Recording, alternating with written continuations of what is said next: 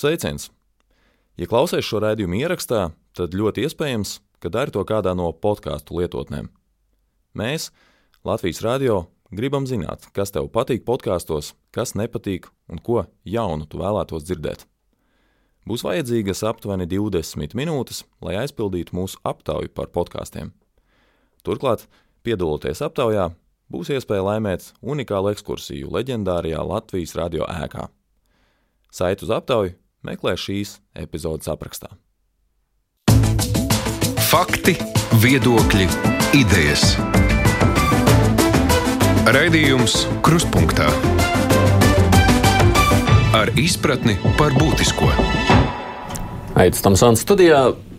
Šajā ceturtdienā esam saglabājuši amatpersonu iztaujāšanas formātu, kad žurnālistiem un klausītājiem iespēja izvaicāt kādu viesu vai viesņu. Pēc tam līdz vēlēšanām gan mums ceturtdienās būs nelielas izmaiņas, bet nu, par tām es izstāstīšu citreiz.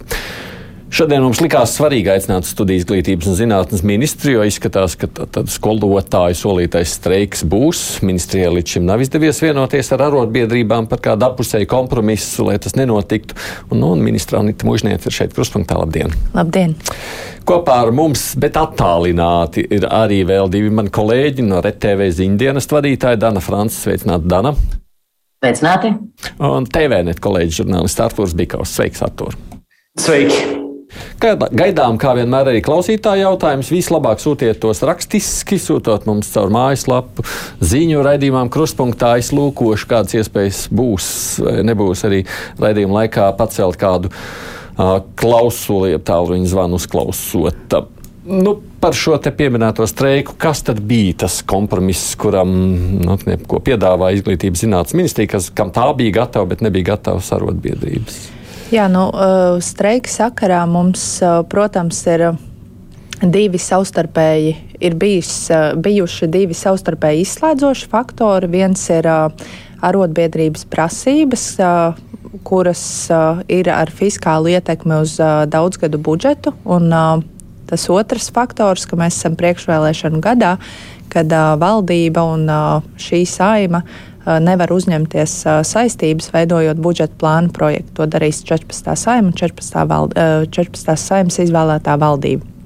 Un, Tātad par naudu jūs nebijāt varoši runāt? Šobrīd, jā, par naudu tādā izpratnē, kas attiecas uz nākamā gada budžetu vai vidējā termiņa budžetu. Jā, man šādu mm. pilnvaru nav, un, un uh, nevienam no valdības locekļiem arī šobrīd faktiski nav tādas rīcības iespējas. Tas, ko mēs uh, piedāvājām, uh, viena lieta, un, un jebkurā gadījumā mēs uh, šo te virzīsim uz uh, valdības sēdes, ceru, ka jau otrdien.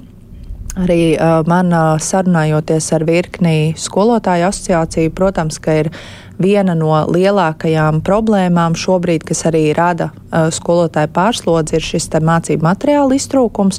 Un, uh, mēs esam apzinājuši iespējas, lai jau šogad no līdzekļiem neparedzētiem gadījumiem piešķirtu uh, tātad, uh, visiem skolotājiem, visiem skolēniem piekļuvi uh, trīs platformām, kas ir uh, uzdevuma LV profversija, uh, Māconis LV un Soma LV, kas ir lielvārdu un uh, zvaigznes uh, apgāde veidotie mācību materiāli.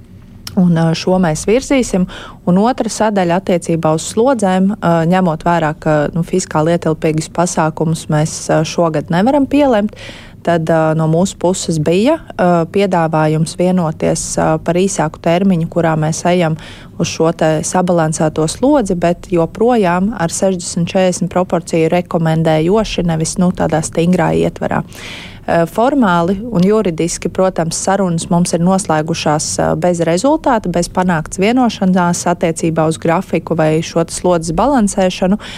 Uh, bet uh, joprojām arī, arī uh, es turpinu un turpināšu līdz beidzamai dienai sarunas ar finanšu ministru, ar valdības vadītāju, vēl mēģinot rast jau kādus iespējamus risinājumus tam, lai mēs varētu izvairīties no streika. Nu, izvairīties jau vairs nepaspēsiet. Ne? Streikas, tas, ka formāli un juridiski šobrīd uh, ir plānots, ka pirmdienā tiek iesniegts no arotbiedrības puses streika pieteikums, tas nenozīmē, ka streiks uh, būs. Uh, ja mēs spēsim par kaut kādām vēl papildus lietām vienoties ar arotbiedrību, uh, šo te pieteikumu var atsaukt arī 18. septembrī. Nē. Kolēģi, droši, Tana. Uh, jā, Ir jau tā, ka jūs minat, ka šajā gadā to nevarēja darīt, nevar tās um, fiskālās liekas risināt, bet tās problēmas jau bija zināmas sen iepriekš. Pērn tas bija zināms vairākus gadus iepriekš. Gan tās prasības, gan to, ka tās algas ir pa zemu. Un tad ir jautājums, kam dēļ iepriekš nevarēja risināt šādus te uh, jautājumus, kas zināmi jau gadiem. Jā, e, paldies par jautājumu attiecībā uz algām. E, tātad no 18. līdz 22. gadam, faktiski 22. 23. 22. 23. mācību gadam, ir bijis spēkā e, tātad šis te atalgojuma paaugstināšanas grafiks.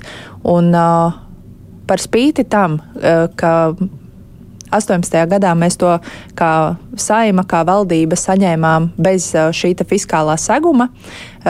Valdība pilnā apmērā šo grafiku ir pildījusi, un arī šim mācību gadam, lai uh, beidzamo soli attiecībā uz zemākās algas likmes celšanu uh, no 830 uz uh, minimāli 900 eiro šajā mācību gadā, valdība ir izpildījusi par spīti tam, ka Pieņemot šo grafiku, finansējuma avoti bija minēti trīs solidārs valsts un pašvaldību finansējums, kā arī skolu tīkla sakārtošana. Bet būtībā šo grafiku pilnā apmērā simtprocentīgi ir izpildījusi tieši šī valdība. Uh, un atbilstoši tam, ka grafiks beidzas 2023. gada 31. augustā, Ir tikai loģiski, ka līdz tam laikam, un es sagaidītu, ka tas būtu uh, šī gada nogale, kad tiks apstiprināta jaunā valdība, uh, kurai četru mēnešu laikā pēc apstiprināšanas ir jāiesniedz uh, budžets. Eh, ka tā arī pielemtu par nākamo periodu, atbilstoši kāds būs algu kāpums. Jo būtu, manuprāt, vairāk nekā dīvaini, ka šajā 18. gadā arotbiedrība ar uh, nozares ministriju panāk vienošanos par nākamajiem četriem gadiem. Atnāk ministra, piemēram, mužniece, ja 21. gadā saka, nu tā grafiks mums beigsies 23. gadā, nu tagad ir vieni otri apstākļi, nu tad. Uh, apsteidzoši rīkosimies, mēs, mēs to nemaz fiziski nevaram, jo vidējā termiņa budžets mums ir uz trīs gadiem. Nu, mēs nevaram ieplānot kaut ko 27. vai 26. gadam šajā periodā. Tā, tā ir atbilde par, par šo grafiku. Un ir absolūti normāli, ka tas tiks darīts 22. gada nogalē. Tas nozīmē, ja tikai tiks precizēta tā informācija, tā sajūta, ka skolotājiem, nu, ka lūk, nekas netiek darīts, un mums tā ir sen ielaista lieta, nu, ka tas grafiks ir īstenots. Grafiks sakāt. ir izpildīts pilnā apmērā arī šim. Ja jūs atceraties, 18. šķiet arī vēl 19. gadā bija dažādas tur diskusijas par to, ka ir nepilnam periodam, tikai vienam gadam iedots, ka nav pilnīgi pilnam mācību gadam. Bija. Mums ir budžetā piešķirti līdzekļi visam 22. un 23. mācību gadam. Plus vēl papildus, uh, apstiprinot jauno pedagoģu atalgojumu finansēšanas modeli, ir vēl papildus grafikam, kurš uh, kopumā piecu gadu ietvarā veido 45 miljonus, ja es pareizi atceros. Nu, šis papildus mm. piešķīrums, tad vēl ar jauno modeli mēs esam piešķīruši vēl 10,6 miljonus. Šīs uh, grafika prasības ir simtprocentīgā apmērā izpildīts, neskatoties to, ka finansējuma avoti bija minēti vairāk.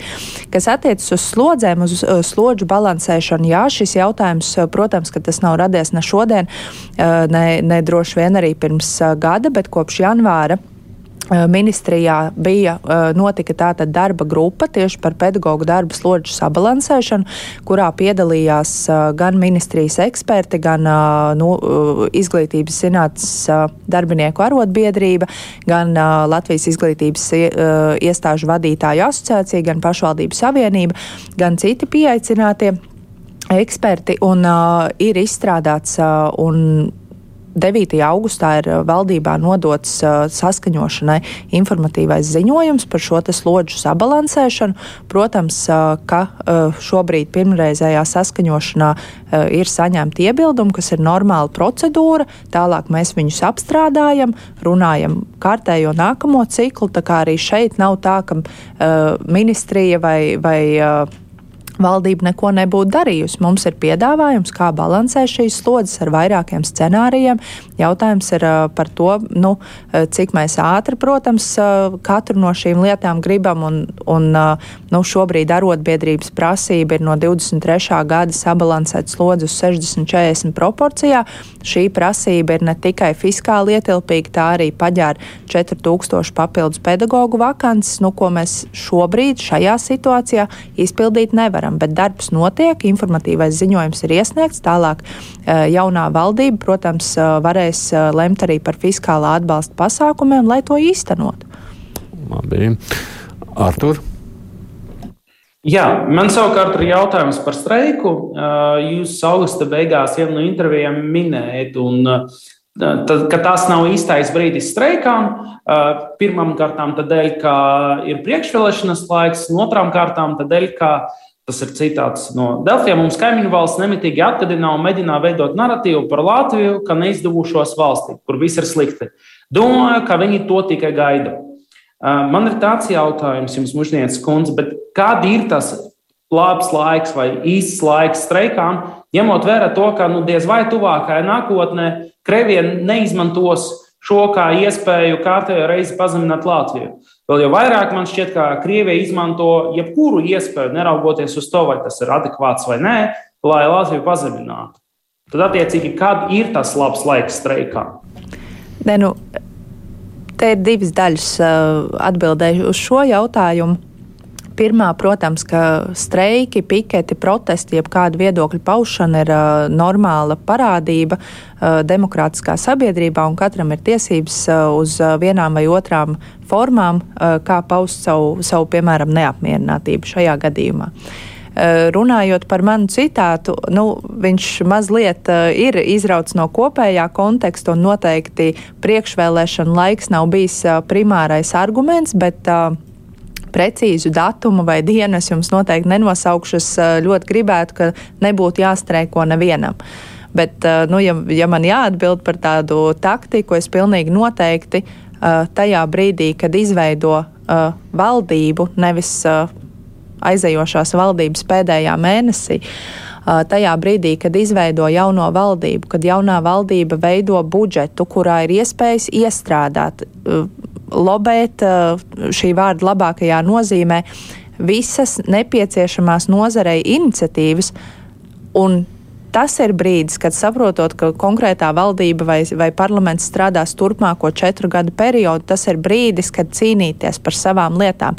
Nevis priekšvēlēšanu laikā ar to domu, ka mēs nevaram, šī valdība nevar uzņemties fiskālas uh, saistības uh, ne nākamā gada budžetā, ne nākamajā, uh, nākamajos trijos gados vidējā termiņā. Tas ir tas konteksts tam, ko es teicu. Bet, uh, bet uh, nu, par tādu īsto brīdi, es domāju, katram ministram ir uh, jādara viss iespējamais, lai nozarē strādājošie, lai nozares uh, pakalpojumus saņemošie būtu apmierināti gan ar kvalitāti, gan ar procesiem, kas notiek. Un tad droši vien daudzas lietas izdosies krietni labāk, bet jāpatur arī prātā, ka ir virkne daudzus gadus nerisinātu problēmu, kuras lai kurš būtu ministrs viena gada laikā vai divu gadu laikā, ja tās ir aizlaistas desmitiem gadus, atrisināt. Nu, nevarēs. Un tas ir godīgi jāpasaka. Bet Ruta saka tā, to, par to palielinājumu grafiku, ko jūs minējāt algām no 2018. gada, tātad vienmēr palielināts, bet man katru gadu manu algu tas ir samazinājis. Nestoties uz to, ka slodze visu šo gadu griezumā tikai ir palielinājusies mazliet, vai arī palikusi iepriekšējā līmenī. Līdz ar to man tie ir tikai vārdi, vārdi un vārdi. Nu šeit ir tātad atkal divas lietas. Viena, pilnībā piekrītu, ka šā brīža atalgojuma tātad pedagoģu atalgojuma uh, sistēma vai aprēķins, viņš nav pietiekami caurspīdīgs, lai katrs uh, viens arī skolotājs, katrs viens sabiedrības loceklis uh, saprastu, par ko ir runa. Tas, uh, ar ko valdība līdz šim ir operējusi, tā ir zemākās darba algas li, uh, samaksa. Tātad nu, šogad šie 900 eiro par 30 stundu, jeb pilnu slodzi. Tīri tehniski, ja skolotājs atalgojumā saņemtu tikai valsts budžeta piešķirtos līdzekļus, proti, tikai šos 900 eiro, tad nekādā veidā nevarētu būt situācija, ka kāpinot šo zemāko likmi, pedagogs saņem mazāku atalgojumu. Jo tas ir tas, kur aiziet valsts mērķa dotācija. Katru gadu par 30 stundām, tātad sākot ar 690 eiro, šobrīd nonākot līdz 900 eiro bet pedagoģa atalgojumu saņem arī uh, daļēji no pašvaldībām, ja tās piefinansē, ja tām ir uh, sakārtots izglītības iestāžu tīkls, kur arī rodas brīvie līdzekļi, un šī ir sadaļa, ko savukārt valsts neregulē. Un, ja kāda pašvaldība ir, uh, nezinu, 18. gadā piešķīrusi papildus 20%, nākamajā gadā 10%, tad, protams, tas samazinājums tā skolotāja maciņā ir Jūtams. Kas nozīmē, nu, piemēram, nozīmē... pašvaldība redz, ka valsts ir iedevusi 100 eiro klāt, jā. viņi saka, es tad, nu, to 100 ņem no savas. Tādiem žēl tas uh, ir bijis, un, uh, un manuprāt, un es, uh, es domāju, ka tā diskusija arī kontekstā ar šo streiku, ar uh, šo kārtējā grafika apstiprināšanu ir nonākusi līdz tam, ka arī šī sistēma ir jāpadara krietni vienkāršāk. Uh, būtu vēlams droši vien arī pāriet uz uh, pilna laika darbu. Piemēram, Igaunijā ir 35 stundas pedagogam, kas ir uh, nu, noteikts kā ekvivalents pilnai darba nedēļai, 40 stundām. Un uh, jābeidz sarežģīt sistēmu ar lietām, ko mēs beigās vairs nesaprotam, par ko mēs paši runājam un nevaram izskaidrot. Jo ļoti daudz cilvēku domā, ka skolotāji visur saņem 900 eiro algu. Un ļoti daudz tās aizkulisku lietas nezinu, līdz ar to, nu jā, šobrīd atbildot uz jautājumu, tas tā var sanākt tīri no pašvaldības daļas. Dana. Jā, tieši šajā saistībā un par skolu tīklu jūs pati minējāt, ka tas ir viens no finanšu avotiem nākotnē. Taču, piemēram, ekonomikas geogrāfs Jānis Turlais, viņš ir daudzu gadu garumā analizējis skolu efektivitāti. Viņš, piemēram, ir ļoti kritisks un saka, viņš pat rosina nākamais saimai šo te jauno skolu finanšu modeli, no ar ko pašreizējās ministrija tā kā lepojas atcelt. Jo, kā viņš saka, tas degradē izglītības sistēmu. Skolu direktors savukārt saka, ka tas jaunais modelis ir uzlicis bremzes izaugsmē. Jūs tieši minējāt par to, ka pašvaldības daļa un tad ir, ja ir skolu tīkls sakārtot, tad viss ir labi. Taču tie, tās pašvaldības un to skolu direktori saka, nē, mums ir bremzējama izaugsme, mēs vairs nevaram atvērt jaunas skolas, mēs nevaram ar lielāku samaksu piesaistīt skolotājus. Tie skolotāji, kuri ir lielo skolu pasniedzēji, viņiem alga neauga. Līdz ar to uh, viņš nav motivēts palikt. Viņam ir lielāka alga, bet viņš vairs nav nu, motivēts noturēties. Un skolas ir lielās zaudētājas, tieši tās, kurās ir lielāka slodze. Kā jūs šo skaidrot?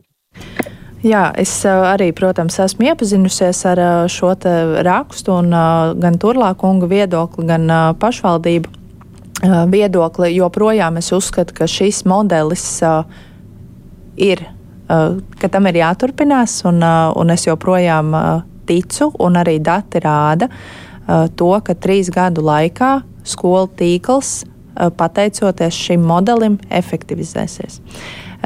Kāpēc, uzra, kāpēc ir tāda situācija, ka uh, kaut kur ir neapmierinātība, ir tas uh, bēdīgi slavenais teiciens par to, ka uh, vislabākais kompromiss ir uh, tas, kurš, uh, kurā uh, katrai pusē ir palikusi kāda neapmierinātības deva. Un tādiem žēl tā politika strādā. Ka, eh, ja man būtu šis modelis eh, jāīsteno pēc tādas pilnīgas tiesas un taisnības, eh, tātad šī viena skolēna izmaksa būtu precīzi tādā apmērā, kāda tā ir aprēķināta jāpārskaita pašvaldībai, sareizinot ar konkrētajā pašvaldībā esošo skolēnu skaitu. Bet mēs pie šādiem apstākļiem un pie tādas pilnīgi sausās matemātikas nonāktu pie situācijas, kad faktiski, piemēram, Ventspils novadā nebūtu iespējams nodrošināt izglītības procesu, jo finansējumu tur būtu ļoti maz. Uh, mums būtu situācija, kad uh, Rīgā, uh, Valmierā, vēl atsevišķās vietās būtu ārkārtīgi milzīgs darba samaksas pieaugums, jo skolu tīkls sen ir sakārtots.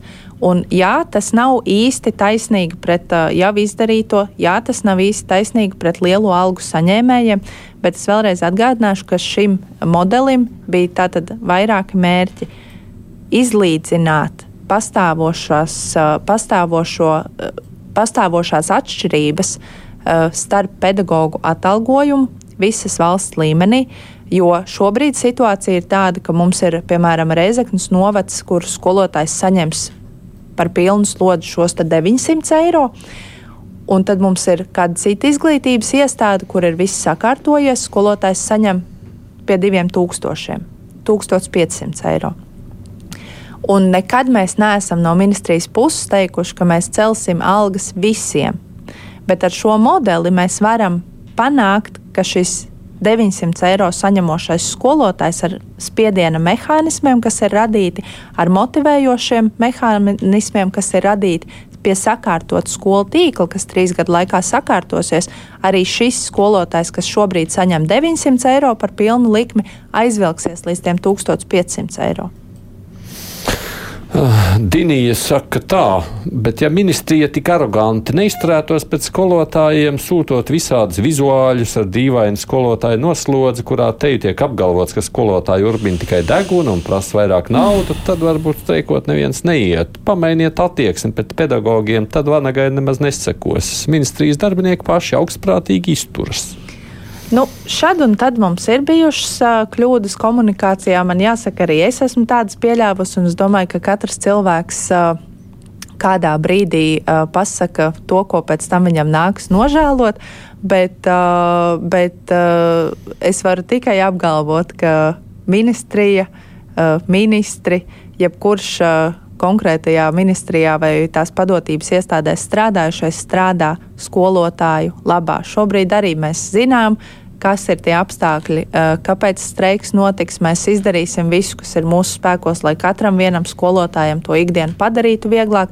Mēs turpināsim runāt par to, kas būtu jādara, atstāsim ceļamais nākamajai valdībai, bet uh, nav jau ministrija kaut kas cits at atdalīts no valsts, no mūsu sabiedrības. Tie ir tie paši mūsu latviešu cilvēki, kas uh, ir. Kaimiņi, draugi kādam citam, un uh, slikti jau nu patiesi neviens nevēl nevienam. Jā, kolēģi, Artur. Man tas jautājums, kas ir saistīts arī turpinot un runāt par slodzi, tas ir jautājums, kas man šķiet diezgan nozīmīgs, tīpaši raugoties uz nākotni. Tas ir, jūsuprāt, vai ministrija šobrīd dara pietiekami daudz, lai paaugstinātu skolotāju kā amatu, kā darbu prestīžu? Jo nu, man liekas, izskatās, ka skolotāju trūkums tiks risināts lielākoties ar to, kā tiek apvienotas vai likvidētas skolas. Ne, nu, skolotāja trūkums tā ir viena no tām problēmām, par kurām tika signalizēts jau, nu, es domāju, savus septiņus gadus vismaz gan novecošanās, gan tas, ka jaunie nenāk un uh, ir radīts vairākas, uh, vairākas tiešām pievilcīgas, mūsdienīgas uh, uh, programmas, kurās uh, kļūt par jaunajiem skolā, uh, skolotājiem.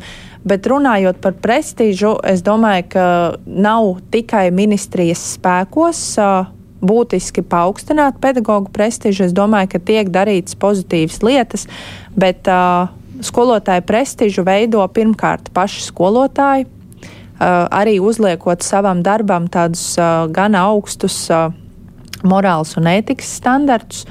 Uh, skolotāja prestižs ir tāds, nu, Nē, jā, tur ir pārstrādājušies, protams, ne, ne, ne, nedamaksāti. Protams, un, un prestižu veido, prestižu veido mēdīju telpa, kas nemitīgi stāsta un kultivē šos stāstus par, par grūto darbu, par nu, neapmaksāto darbu. Arotbiedrības arī veido šādu Jā, tieši tā. To. to veido arotbiedrība, kas, manuprāt, varētu ļoti veiksmīgi, un ir jārunā arī par problēmām, bet varētu ļoti veiksmīgi runāt arī par labajām lietām, par, par tiem skolotājiem, kas ir ļoti apmierināti ar savu darbu, par tiem skolotājiem, kas saņem pienācīgu atalgojumu.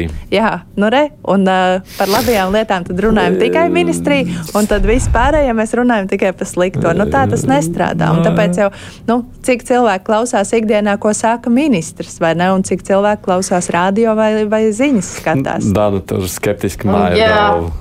Skeptiski mazliet, jo ne tikai mēdīna arotbiedrība. Mēs jau katrs individuāli saskaramies ar skolotāju, ar pedagogu, ar audzinātāju. Piemēram, eh, Valmieras pusē arī jau bērnu dārza audzinātājs saka, ka viņi jūtas apdalīti. Viņiem ir viens no lielākajiem slodzēm. Viņiem trūkst atbalsta personāla. Viņi izjūt, ka viņiem ir sajūta, ka viņiem algas neceļ. Piemēram, Limbaģa pusē diezgan daudzi, daudzas izglītības iestādes protestēs. piedalīsies tajā streikā. Un daļa no viņiem būs tieši bērnu dārza darbinieki. Varbūt jūs varat pastāstīt, ko saprast tiem audzinātājiem, auklēm tā. Ko viņiem sagaidīt īstenībā?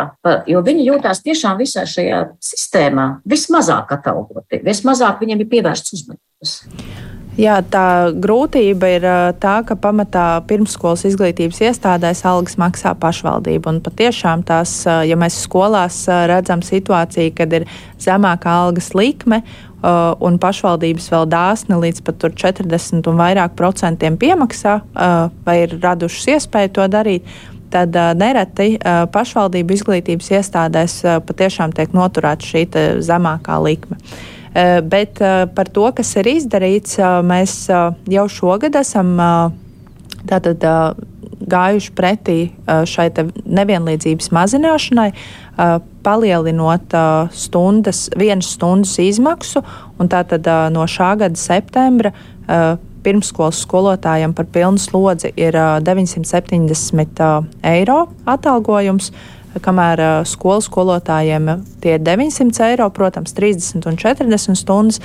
Tas, ko mēs arī jau pieminētajā informatīvajā ziņojumā par slodžu balansēšanu esam minējuši, kā arī domājot par pirmsskolas skolotājiem, par to, kā atvieglot uh, viņu ikdienu, būtu jāvirzās uz uh, mazāku uh, stundu skaitu. Uh, tiešajam darbam ar bērniem, nu, jeb tās kontaktstundas saucamās. Mēs arī sarunās ar arotbiedrību minējām, ka droši vien tāds vispareizākais risinājums būtu noteikti šo 30 plus 10 proporciju, ka 30 stundu skolotājs ir ar bērniem un 10 tomēr atliek pārējiem laikam gatavoties. Un, protams, ka arī pirmsskolas pedagoģa atalgojums ceļot vispārējās izglītības iestāžu Eh, pedagoģa algas arī ir saistīts un uh, būs ceļām. Bet tad precizēsim, lai klausītājiem ir skaidrs. Tātad valsts maksā tikai 5 un 6 gadnieku skolotājiem. Visiem pāriem tās Visiem ir pašvaldības, kas nozīmē pašvaldības. tie, kas streikos, viņi faktiski streiko ne pret ministriju, jā, bet pret, pret pašvaldību. Jā? Jā. Nu, tas vienkārši, lai klausītājiem ir skaidrība, kurš ko maksā. Jā. Tā tā situācija ir šobrīd. Uh, Artur. Šajā kontekstā man rodas jautājums, varbūt tad nav jēgas vienā brīdī pāriet pie kaut, kādas, pie kaut kāda modeļa, kur vai nu visas algas apmaksā pašvaldība, vai nu visas algas apmaksā ministrija. Noteikti, uh, pilnīgi noteikti. Un uh, nevēl es pieminēju arī šo mērķdotācijas uh, atalgojumu maiņu, kas šobrīd nu, aiziet mazliet decentralizētāk uz pašvaldībām. Uh, visticamāk, ka nākotnē, es domāju, ka nu, arī, lai beigtos tās spekulācijas, kurš tad par ko īsti ir atbildīgs un kurš kam ko maksā, tas būtu tikai normāli. Un uh, normāli būtu, ka atalgojumus vispārējā izglītībā sedz valsts.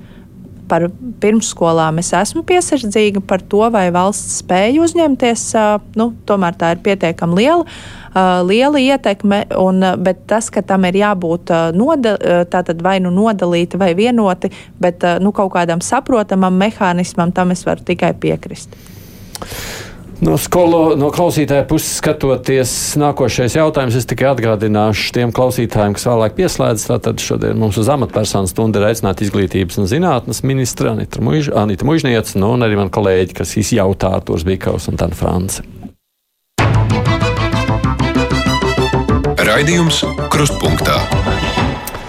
Te, tāds ļoti tieši jums jautājums. Nu, tātad, ja ministrs kundze 1. oktobrī nepārvēlēs, vai tad pat ministra atgriezīsies skolotājas amatā ar šo 900 eiro brutto par slodzi?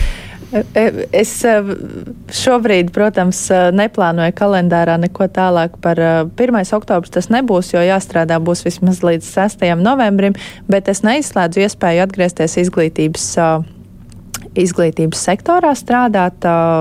Jāpiezīmē gan, ka līdz šim man tā pieredze ir bijusi tāda, ka zemāko darba algas likmi es nekad neesmu saņēmusi, un ar savu algu es esmu tas retais skolotājs, kurš par četrām darba dienām bija ļoti apmierināts ar savu atalgojumu. Tā kā es neizslēdzu arī šo iespēju. Savukārt par to, ko jūs te sacījāt par šiem mācību materiāliem, tāls prasa, vai tiešām neviens no izglītības sistēmas vadītājiem nespēja iedomāties, ka nav gandrīz mācību materiālu. Tā tad neprofesionālitāte. Jā, un par šo jautājumu kontekstā ar jaunā mācību satura ieviešanu es esmu diezgan kritiski jau vairāk kārt izteikusies laikā, kad arī ievies nu, šo te pārēju, jeb sāka ieviest pārēju uz jauno mācību saturu. Es pati biju pedagogs, un es ļoti labi atceros, kāds bija šis process. Es domāju, ka tās sekas šobrīd arī tai skolotāju nokaitinātībai ir tās, ka tika pieņemts lēmums pāriet uz jauno mācību saturu, kas ir labi. Uh, tika pieļauta doma, ka skolotāji paši mums eh, spēs saražot visus nepieciešamos materiālus. Nu, tā bija tā, tā ideja eh, šim projektam, un ar visu tiks galā. Ja man jautātu, Kārlis Šadurskis 16. gadā, kā darītu es, es noteikti izstrādātu standartu, tad es izstrādātu paraugu programmas, pielāgotus materiālus, nodotu viņus aprobēšanai un ieviestu jauno mācību saturu. Jo faktiski tika izdarīts pilnīgi otrādi. Uh, tika sākta aprobācija uh, kaut kam, par ko neviens uh, īsti nezināja, kas tas ir. Īsi pēc te, šī te aprobācijas termiņa beigām parādījās standarta aprises un paraugu programmu aprises. Un tad pienāca 20. gads, kad uh, bija jāievieš, un joprojām bija akūts materiāla trūkums. Es uh, nesaku, ka uh, mācību materiāli nav vispār. Ir uh, gana daudz darīts, lai pievilktu klāt vēl trūkstošās lietas, un arī šobrīd tie tiek uh, gan sadarbojoties ar universitātēm, gan, uh, gan valsts izglītības satura centrā veidoti, nemitīgi tiek papildināti arī šie digitālie resursi, bet sākotnēji vienkārši taktiski nepareizi lēmumi ir noveduši pie tās šodienas situācijas. Dana. Um, jā, Es par augstāku izglītību mazliet jau gribētu pavaicāt to, ka kur palikusi ir ideja par reģionālo augstskolu. Tā ir uh, Latvijas lauksaimniecības universitāte, kas tagad ir biozinātņu un tehnoloģiju universitāte uh, Liepājas un Daugavpils augstskolas apvienošana. Šajā kontekstā tas otrs jautājums, kāds vispār ir izglītības zinātnes ministrijas redzējums par tām augstskolām, kur jau var nemaz nav tik gludi, kā gribētos, ja runā par kvalitāti. Tā tad uh, nekad nav bijusi doma apvienot Liepais un Daugopils uh, universitātes. Uh, droši vien, ka runa ir par uh, Reizeknas tehnoloģiju akadēmiju un Daugopils universitāti.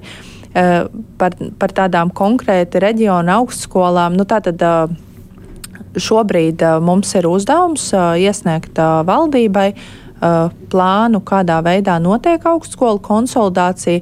Joprojām uh, norisinās uh, sarunas ar augstākās izglītības iestādēm. Mēs esam jau paspējuši tātad, integrēt Jūras akadēmiju Rīgas Tehniskajā universitātē. Uh, bet, uh, bet uh, vēl būs darbs par Liepājas universitātes kapacitātes stiprināšanu. Tātad tiek izstrādāta šobrīd dokumentācija par Daugaupils un Reizeknas tehnoloģiju akadēmijas. Nu, arī šo te Uh, savstarpējo integrāciju, veidojot jaunu augstskolu, tas, uh, tas ir uh, procesā, bet specifiski veidot nu, tādas reģionu augstskolas, es domāju, ka ne visos reģionos to ir iespējams uh, izdarīt. Uh, nu, Latgalē, jā, mēs redzam, ka potenciāli varētu būt viena spēcīga Latgales universitāte.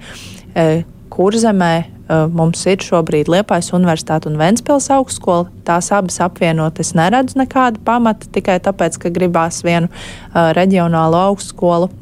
Vidzemē ir vēl cita situācija, kur mums faktiski ir viena vidzemes augstskola. Ja?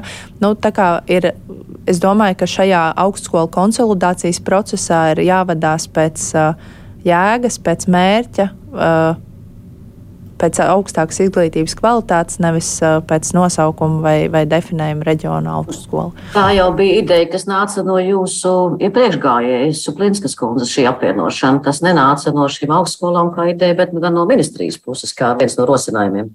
Ne, nu, protams, bet saima ir pieņēmusi augstskolu likumu, un ministrija atbilstoši lēmējvaras lemtajam arī rīkojas. Jā, Artur. Tu gribēji kaut ko jautāt? Man ir jautājums, turpinot, turpinot uh, sarunu par augstskolām. Mans jautājums ir drīzāk par to, mm, kāda ir vīzija, pie kā augstskolās piederēs, respektīvi, nu, paskaidrot, ir nepieciešams. Ja? Mums ne visas augstskolas, ne visas universitātās atrodas zem izglītības ministrijas. Ja? Un, vai ir plāns, teiksim, visas augstskolas apvienot zem vienas ministrijas, izglītības ministrijas šajā gadījumā, vai tomēr palikt pie esošas situācijas, kur, teiksim, viena ministrija ir zem uh, veselības ministrijas, otra zem izglītības ministrijas, trešā ir zem zemkopības ministrijas un tā tālāk? Šobrīd šāda plāna nav, un uh, es, uh, man ir grūti komentēt, nu, kas būs uh, nākamā parlamenta sastāvs, bet katrā ziņā tā ir uh, arī daļai saimas kompetence šajā saimā. Mēs uh, redzējām, ka uh, šāda iecerē, pat ja tā uh, tiktu uh, likta galdā, viņa nebūtu vainagojusies ar panākumiem, eh, jo tajā brīdī, kad mēs eh, lēmām par eh, augstskolu padomu izveidi, ministrijas priekšlikums bija šo atlasi veikt centralizēti caur izglītības un zinātnes ministriju bet nozare augstskolas pārliecināja deputātus par to, ka tomēr ir jāsaglabā esošais, un tad attiecīgi atlase tika veselības Stradiņu universitātē veikta caur veselības ministriju. Eh, lauksaimniecības universitātē caur zemkopības, un eh, mēs strādājam ar mūsu augstskolu padomēm. Eh, tā kā tas ir gana politisks lēmums, ja, ja pēc nu, loģikas un tādas racionalitātes es domāju, ka var strādāt gan uh, ka tā ir tikai izglītības un zinātnes ministrijas padotības, tātad pakļautība esošas universitātes, gan arī līdzšanējā modelī, un abos ir gan plusi, gan mīnusi, jo, protams, ka izglītības ministrijā varbūt nu, tās pietiekamās zināšanas par veselības, ap, veselības jomas vajadzībām viņas nebūs tik lielā kapacitātē kā veselības ministrijā, tieši tas pats arī ar lauksaimniecību, bet jebkurā gadījumā, man liekas, atslēgas vārds ir starpnozaru sadarbība, Un, ja tā strādā, tad ir pilnīgi vienalga, kurai ministrijai pakļauts ir kura iestāde vai universitāte. Mm. Jā, Dan. Cits jautājums. Mēs nesen raidījām RTV tādu stāstu interesantu, ka nu, tad mums ir karš Ukrainā, Krievijas rosināts, un um, šeit Latvijā reaģēt uz šo daudzi vecāki izvēlētos, ka viņiem skolā bērniem netiek mācīta krievu valoda. Tā ir tā izvēles valoda, ir izvēlēt, bet ne visiem skolā ir iespējams izvēlēties. Nu, tad, lūdzu, es gribētu, lai bērns mācās angļu, franču, spāņu, bet lūk, tā izvēle krievu valodu. Un kā izrādās, mēs šo nevaram īstenot lielā daļā skolu.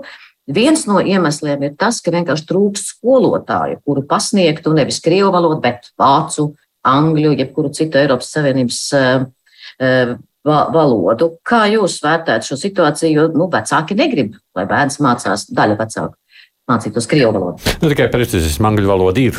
Angļu valoda ir. Citu valodu runa. Protams, jā. jā. Uh, es domāju, ka nav nekāda problēma ar Eiropas Savienības uh, valstu oficiālajām valodām, bet uh, runājot konkrēti par šo te krievu valodu, ministrijā iekšējā saskaņošanā šobrīd ir standarta grozījumi kas tā tad paredz un saprotot, ka mums nebūs rīt uz pusdienas laiku ne spāņu, ne franču valodas pedagogi, kas paredz iespēju gadījumā, ja nav iespējams nodrošināt ar Eiropas Savienības valodas pedagoģu otro svešvalodas nodrošināšanu, tad līdz 27. gadam uh, būs iespēja aizstāt šo te, uh, otro svešvalodu, kas nav Eiropas Savienības valoda, ar uh, kādu STEM uh, jomas uh, priekšmetu padziļinātu apguvi vai padziļinātu latviešu valodas apguvi. Uh, pēc iekšējās saskaņošanas šie standarta grozījumi uh, tiktu ievietoti uh, TAP portālā, tiesību aktu portālā, uh, apspriesti, virzīti uz valdību pieņemšanai un varētu stāties spēkā ar 23. gada, uh, 23. gada 1. septembri. Okay. Viens skolotāja jautā, vai ministrijas valsts sekretāra tā tāda ilgstoša slimības lapu, vai tas nerada ministrijā haosu? Varbūt vajag sakārtot to jautājumu par ministrijas ierēģiņu vietas aizpildīšanu. Mēs, protams, vēlamies valsts sekretārai veselību, bet tā viņas prombūtne ir ļoti jūtama. Vai jūs esat spējīgi kaut kā šo sakārtot? Es, uh... Noteikti negribētu komentēt uh, valsts sekretārs uh, veselības stāvokli. Nedarām, jā. bet, uh, bet, uh, protams, uh, ka katram cilvēkam, jebkurā darba vietā, var būt kādas veselības grūtības, un uh, vissliktākais, ko būtu izdarīt vienu ārkārtīgi labi strādājošu valsts sekretāru, tāpēc, ka viņš ir nonācis kādās veselības grūtībās, šobrīd aizstāt ar kādu citu, lai aizpildītu štatu vietu. Es domāju, ka mēs kā komanda šobrīd lieliski tiekam galā. Jā, tas ir papildus izaicinājums. Bet mums ir arī valsts sekretāra vietnieks, kas tad attiecīgi probūtē, organizē visu darbu. Un, un es domāju, ka, ka ir, ir labi. Ka var tikt galā. Okay. Jā, kolēģi, droši. Kurš no jums nezina? Artur? Jā, man būs jautājums. Atgriežoties, es domāju, ka ir vērts atgriezties pie pirmskolām. Parunāt arī nedaudz par tām. Un domāju, ka viens no galvenajiem jautājumiem ko mēs varam te apspriest, tas, protams, ir rindas pirmskolās. Ja? Es apzinos, ka lielāka daļa un tā lielāka slodze, protams, ir uz pašvaldībām, bet uh, tas maz nenozīmē to, ka nevēlētos uh, saprast, kāds ir nākotnes redzējis, uh, redzējums izglītības ministrijai attiecībā uz šo problēmu. Kā jūs domājat, būtu nepieciešams risināt šo jautājumu? Jūs jau ļoti pareizi pateicāt, ka attiecībā uz uh, pirmsskolām un uh, rindām uz pirmsskolām tā ir tiešā veidā pašvaldības kompetence. Uh, izglītības ministrija nedibina uh, ne skolas, uh, kur nu vēl arī pirmsskolas. Uh, un mums arī nav šobrīd plānoti nekādi uh, papildus instrumenti, ņemot vērā, ka tā ir uh, vidas un reģionālās aizsardzības ministrijas uh, jautājums pašvaldības. Uh, mums nav plānot nekādi pasākumi, bet uh, mierinājumam un uh, pavisam nesen arī ap, apspriežoties ar Rīgas domu, faktiski uh, nu, demogrāfijas. Uh, nu, šis kritums, uh, vismaz dati rāda, ka tuvākajos gados arī rindas, es atvainojos, rindas, piemēram, galvaspilsētas pirmskolas izglītības iestādēs, tām nevajadzētu būt. Mm. Dan. Mm -hmm. Paldies! Jā, Jā es jautāju. Okay. Um, ir tā, ka šodien valsts prezidents saimē arī norādīja to, kas tad būtu jādara tai nākamajai saimē, nākamajai valdībai - zinātne, digitalizācija, inovācijas. Viņš piemin. Tikmēr šodien mēs saskaramies akadēmiskajā vidē ar to, ka ir personāla novecošanās Latvijā, algas ir zemas. Un daudzi jaunie zinātnieki norāda, ka viņi izmācās daudzus gadus, gūst grādu un nevēlas kļūt par mācību spēku Latvijā. Viņi dodas uz ārzemēm ne tikai algas dēļ, bet arī to, ka viņi tur daudz var mm, izaugt, izaugsmas dēļ. Jums ir redzējums, ministrijai, kāds ir redzējums, lai stiprinātu um, akadēmisko vidi uh, mūsu valstī? Jā, paldies par jautājumu. Šobrīd tātad, mēs strādājam pie jaunā akadēmiskās karjeras ietvara. Tieši tāpat ir arī jaunais doktorantūras modelis, kas pirmo reizi faktiski padara doktorantu par atalgotu profesionāli, kas man liekas ir ļoti būtiska atšķirība. Ja mēs runājam par laiku, kad doktorantūrā stipendija bija šķiet 140 eiro, tad šobrīd tas ir pilna laika darbs tā mēs to arī saprotam, eh, tiek eh, maksāta 1000 eiro eh, stipendija, no kuras, kur vēl tieši tādu pašu summu atvēl arī pati augstskola, kas man liekas ir ļoti motivējoši tieši, lai studētu, lai piedalītos pētniecībā, lai tālāk arī izaugtu par par zinātnieku.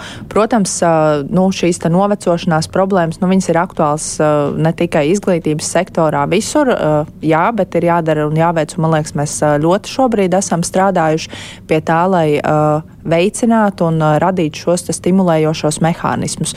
Tam, lai zinātnes kapacitāti stiprinātu, lai jaunie pieteiktos, lai viņi būtu motivēti arī palikt.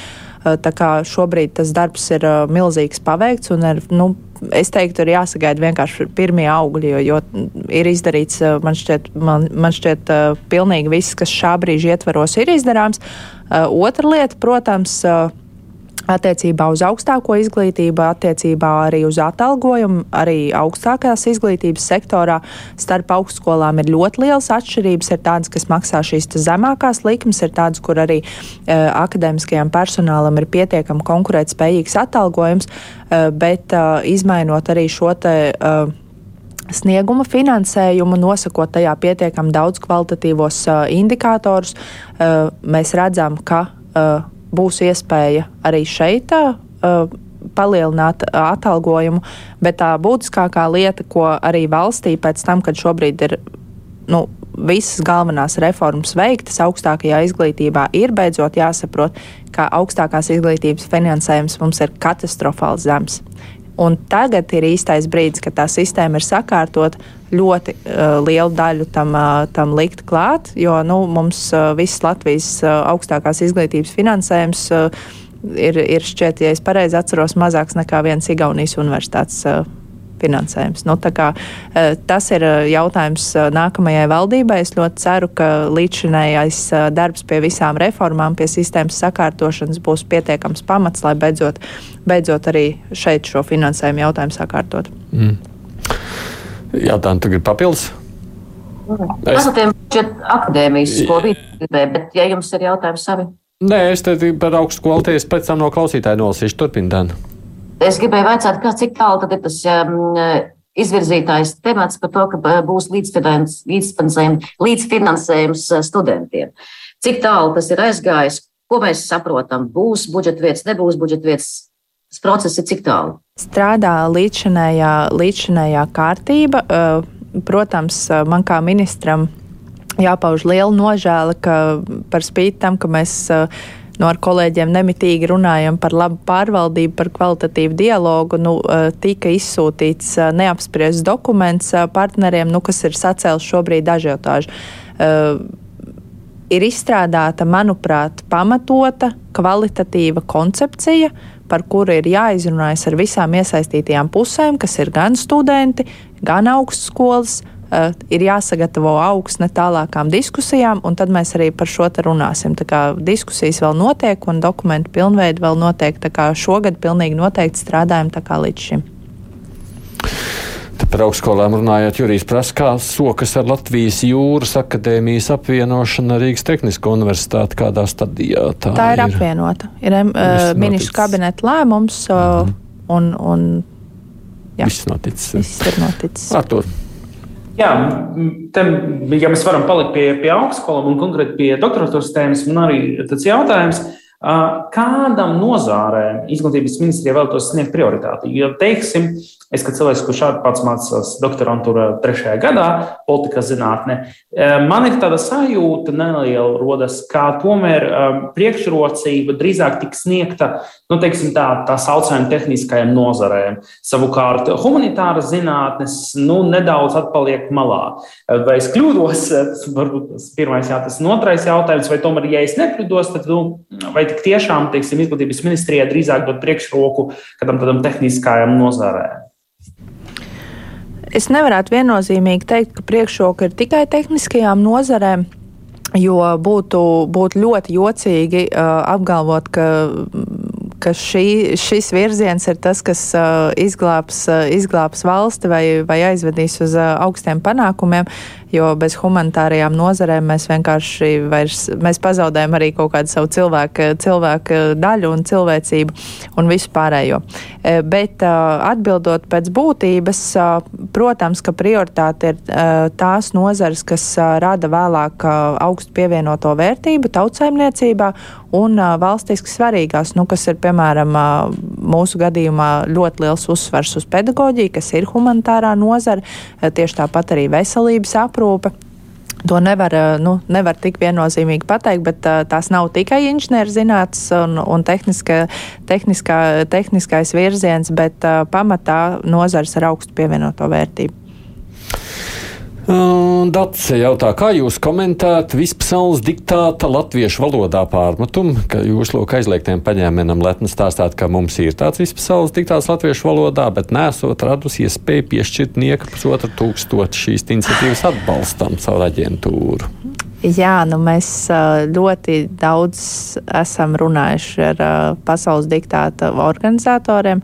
Mēs esam piedāvājuši tās atbalsta formas, kuras valsts iestāde var sniegt tiešā veidā nu, kaut kāda atkal kredītkarte vai seifa, kurā stāv ministram vai aģentūrai, lieka nauda nav.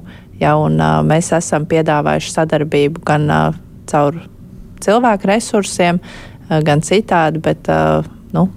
Kā izklausās, 1500 eiro tas nav nekas. Es saprotu, bet man arī ministrijā 1500 eiro. Nu, Tam nav. Nav šobrīd tādu līdzekļu. Nu. ok, Dana.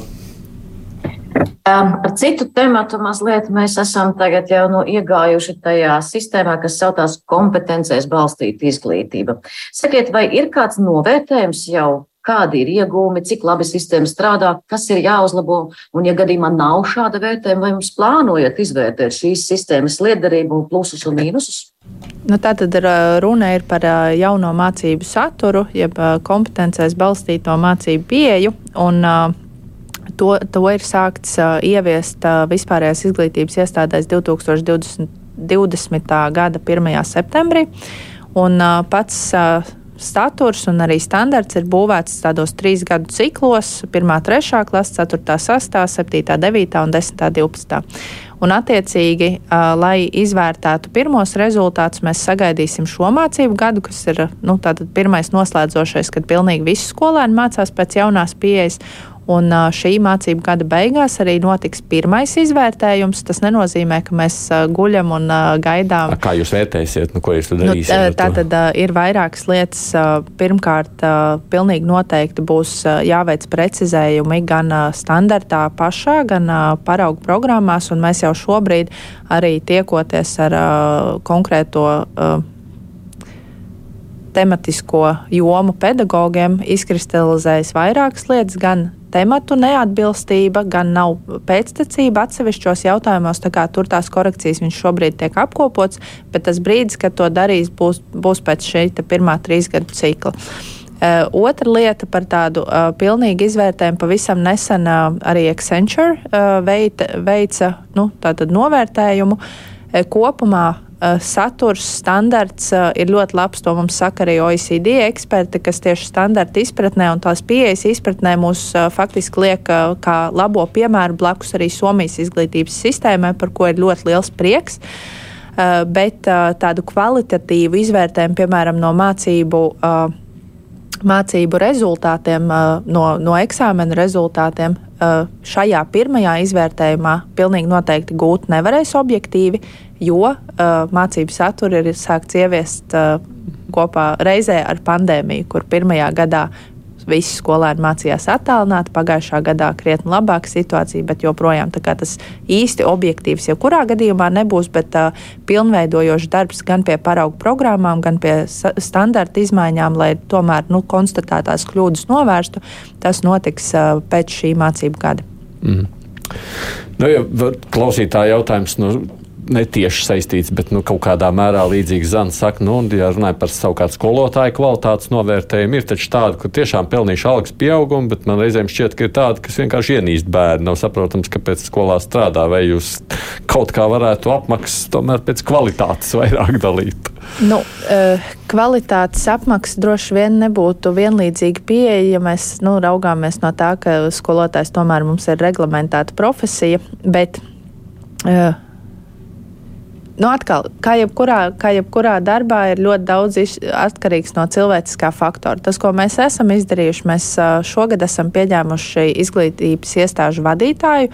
Uh, nu, tā saucamo certifikāciju, jeb novērtēšanas kārtības pilnveidošanu, ka ik pēc pieciem gadiem direktori tiks vērtēti, tiks vērtēti pēc vairākām kompetencēm, gan, gan finanšu pratība, gan komandas vadība, citi jautājumi.